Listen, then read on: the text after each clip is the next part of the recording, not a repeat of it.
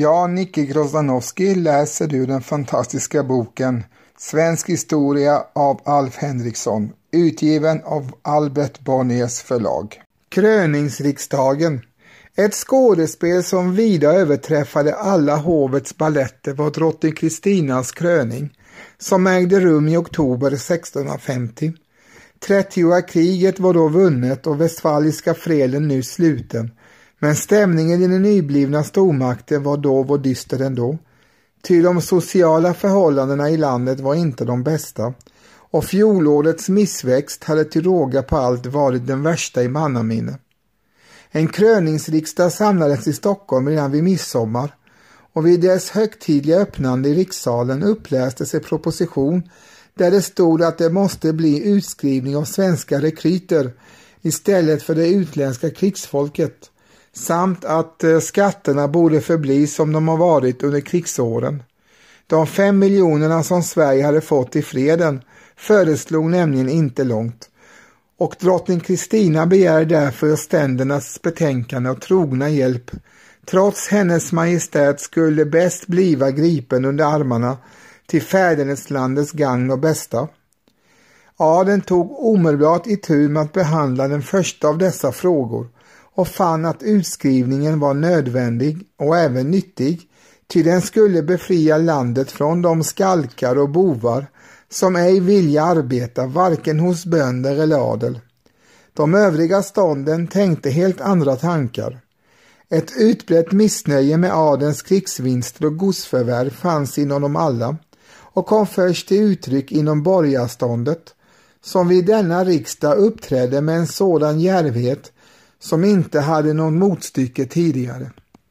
Ståndet beslöt nämligen istället för att alls inlåta sig på den kungliga propositionen att yrka på en reduktion av kronogods och skattehämman som tidigare gett staten inkomster men på senare år hade förvärvats av adeln och förvandlats till frälse.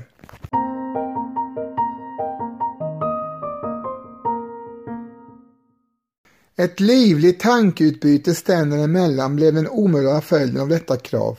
Adeln sökte på alla sätt visa sig medgörlig och nedlåtande för att vinna präster och bönder över på sin sida.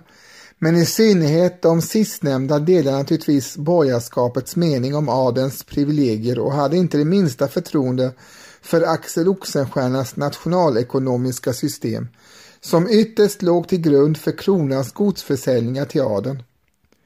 Böndernas uppfattning om detta formulerades förträffligt i ett uttalande där det frågades om det var meningen att drottningen skulle krönas till land och rike eller bara till tullar och axis. Även bland prästerna dominerade sådana åsikter och på sensommaren skickade de tre ordfrälste stånden en gemensam deputation till drottningen och begärde att kronan i humana och rättvisa former skulle ta tillbaka sina gods. Drottningen tog vänligt emot deputationen och lovade se till att adeln höll sig på mattan. Däremot anhöll hon att de tre stånden inte skulle ge offentlighet åt sitt reduktionskrav, detta med tanke på reaktionerna i utlandet. Hon gav också de ofrälse rätt i deras kritik av en passus i de adliga privilegierna där det stod att i statstjänst skulle ingen vanbrydig föredras framför en adelsman. Överhuvudtaget uppträdde hon med stor politisk skicklighet och lyckades förmå både präster och bönder att förlita sig på henne istället för att komma med öppna krav på reduktion. Borgerskapet lät sig däremot inte tystas. När stånden omsider samlades på rikssalen igen för att avge sina svar på den kungliga propositionen yttrade borgarnas talesman några ord om risken för självsvåld, högmod och förtryck och nämnde naturligtvis också kronans gods i sammanhanget. Adeln blev mycket förbittrad och avbröt talan med höga rop och rådet fann det upprörande att borgarna vågade förestå kunglig majestät någonting istället för att blott och bart svara på dess fråga. Ty någon motionsrätt ansåg ständerna inte ha. Drottningen som saknade allt intresse för de ekonomiska och sociala spörsmålen utnyttjade mästerligt ståndsmotsättningar för sina privatpolitiska syften. Tronföljdsfrågan var ju alltjämt svävande, ty någon arvsrätt inom arvsfursten Carl Gustavs familj ville rådet fortfarande inte gå med på och förhållandet mellan den fattige, fast högboende falskgreven och de högadliga rådskretsarna hade för övrigt aldrig varit vidare hjärtligt. Något som var ägnat att vid behov göra honom populär bland de ofrälse. I slutet av september vände sig drottningen nu till de fyra ständerna och begärde att Carl Gustaf skulle förklaras ha arvsrätt till Sveriges tron för sig och sina manliga bröstarvingar. Hon ansåg märkligt nog att kvinnor var olämpliga till regenter. Tre dagar senare anlände Carl Gustaf själv till Stockholm från Tyskland och gjorde ett praktfullt intåg i huvudstaden sedan rådet, ridderskapet och adeln på hennes bud hade varit honom till mötes långt ute på Södertäljevägen. Sida vid sida med Axel Oxenstierna åkte han till slottet Tre Kronor mellan paraderande borgargardister på gatorna och viftande damer i alla fönster under det att örlogsfartygen saluterade på strömmen. Vid det laget stod det redan klart att drottningen i tronföljdsfrågan skulle få sin vilja fram, ty reduktionshotet avhöll adeln från att säga emot. I sin försäkran till ständerna slapp Carl Gustav rent av lova att bibehålla och konservera adelsmännen vid deras beneficier och donationer, som det stod i det föreslagna formuläret. De ofrälse såg energiskt till att denna passus blev struken.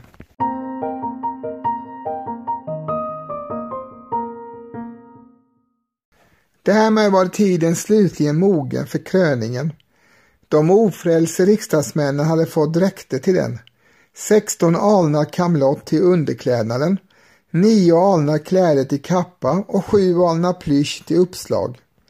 Hela ridderskapet och adeln red ut och hämtade drottningen vid Jakobsdals slott, alias Ulriksdal, där hon hade gästat riksmarsken någon dag. Därifrån eskorterades hon högtidligen till Stockholms slott, framför vilket rådet hade låtit bygga en romersk triumfbåge på nuvarande Gustav Adolfs torg. Och ryttarkolonnen lär ha varit så lång att de främsta var framme innan de eftersatta han anträda marschen.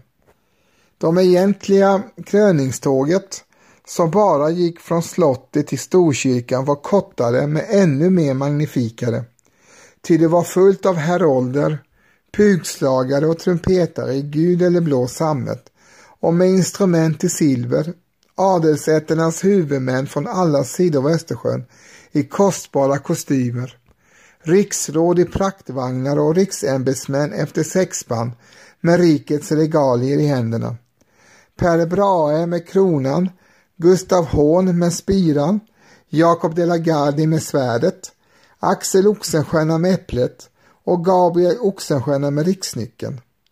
Vid Storkyrkans dörr stod ärkebiskopen med smörjehornet och tog emot drottningen som åkte efter sex snövita silverskodda hästar och bar en klänning som var översållad med pärlor och juveler.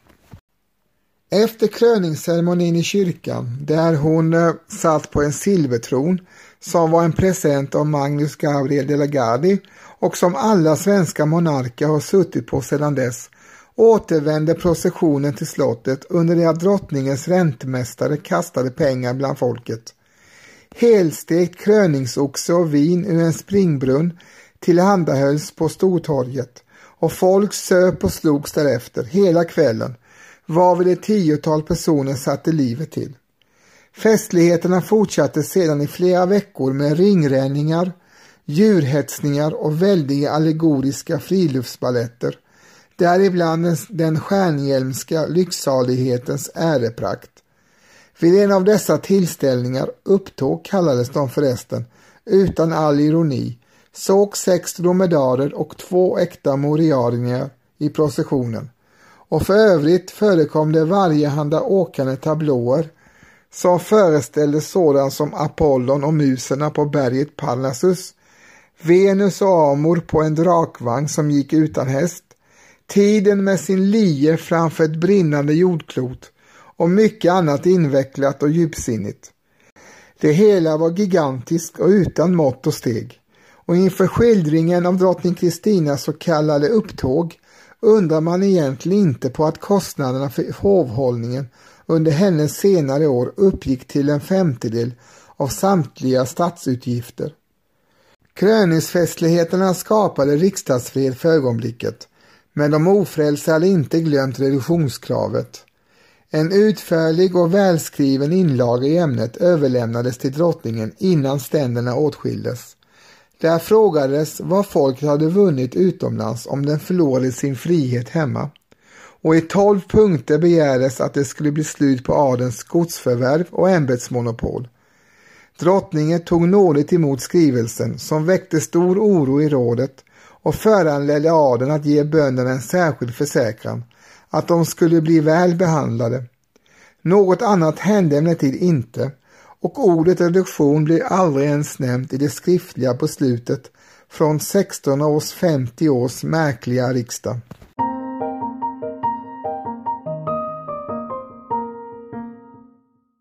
Oron i landet. Åren efter denna sociala kraftmätning blev nervösa. Vid julen 1652 utbröt sålunda ett regelrätt uppror i Närke, där några hundra bönder grep till vapen och valde sig en anförare som titulerades konung och omgav sig med en drots, en marsk och en kansler. Företaget slutade naturligtvis i katastrof för bönderna. De blev med lätthet skingrade av krigsvana yrkessoldater. Många avrättades på fläcken och den så kallade konungen och hans närmsta man blev rådbråkade och halshuggna i Stockholm under stor publiktillströmning. Detta slags oro i landet tog man vid hovet rätt trankilt på, vilket kan utläsas exempelvis ur hovjunkaren Johan Ekeblads brev. Andra och enklare konspirationer väckte så mycket större rabalder. I sitt residens på Öland fick tronföljaren Carl Gustav en vacker dag ett anonymt ringbrev där han till sin förvåning uppmanades att strax göra revolution. Högaden, som avsiktligt hade gett drottningen en förvänd uppfostran och sedermera hindrat hennes giftermål med adressaten, vore nämligen sinnad att tillvälla sig all makt på hans bekostnad. Aristokraterna stod det vidare, vore redan i färd med att förslava allmogen och drottningen själv vore en slösaktig, nöjeslysten och oduglig toka, som dessutom liknade Måns smek, varför hela sällskapet lämpligen borde avrättas efter revolutionen. Varefter kronogodsen kunde tas tillbaka utan hinder. Carl Gustaf blev förskräckt när han läste allt detta. Lojal och försiktig som han var översände han strax brevet till drottningen som greps av stor vrede när hon läste omdömen om sig själv. Ett lätt detektivarbete avslöjade brevskrivaren, vars handstil var känd av många han befanns vara den kansliskrivaren Arnold Messenius.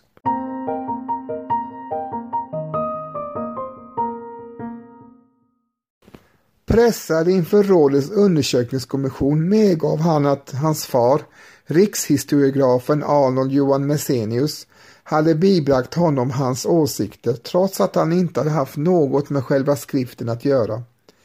De båda männen häktades naturligtvis men man misstänkte att de bara utgjorde en liten, liten länk i en större förgrenad sammansvärjning. Och åtskilliga andra personer togs därför i förhör. Dit hörde några av de ledande opponenterna vid 650 års riksdag. Uppsala professorn Johannes Elai Tesefs, statsskrivaren Nils Persson Skunk och Stockholmsborgmästaren Nils Nilsson.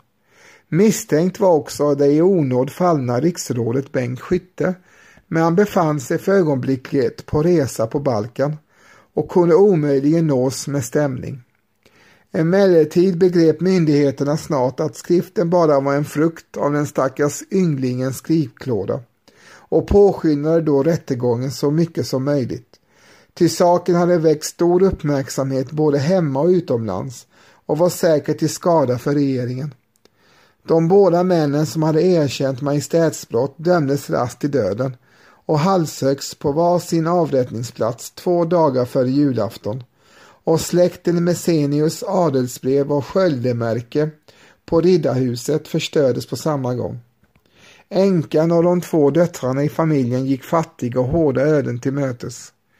Messenianernas stora samling av böcker och manuskript, som den lika olycklige farfadern hade lagt grunden till, hade testamenterats till drottningen av den livdömde ägaren och bars efter hans död ofördröjligen upp till slottet. Till tronföljaren Carl Gustaf som hade betett sig så lojalt i denna sak skänkte drottning Kristina som tack en diamantbesatt dosa som kostade 20 000 plåtar. I gengåva fick hon av denne ett tysk medaljkabinett värderat till halva detta pris. Ni har precis hört mig, Nicke Grozanowski, läsa ett stycke ur den fantastiska boken Svensk historia som är skriven av Alf Henriksson och utgiven av Albert Bonniers förlag. Signaturmelodin ni hörde i början är ju den berömda Fjäril vingar syns på Haga, även känd som Fredmans sång nummer 64, som är gjord av Carl Michael Bellman. Och som avslutning får ni höra Par Deus med gruppen Gotthard. Podden utkommer två gånger i veckan, lördagar och onsdagar, med bonusavsnitt lite då och då, så håll utkik. Tack för att ni lyssnade. På återhörande. Hej!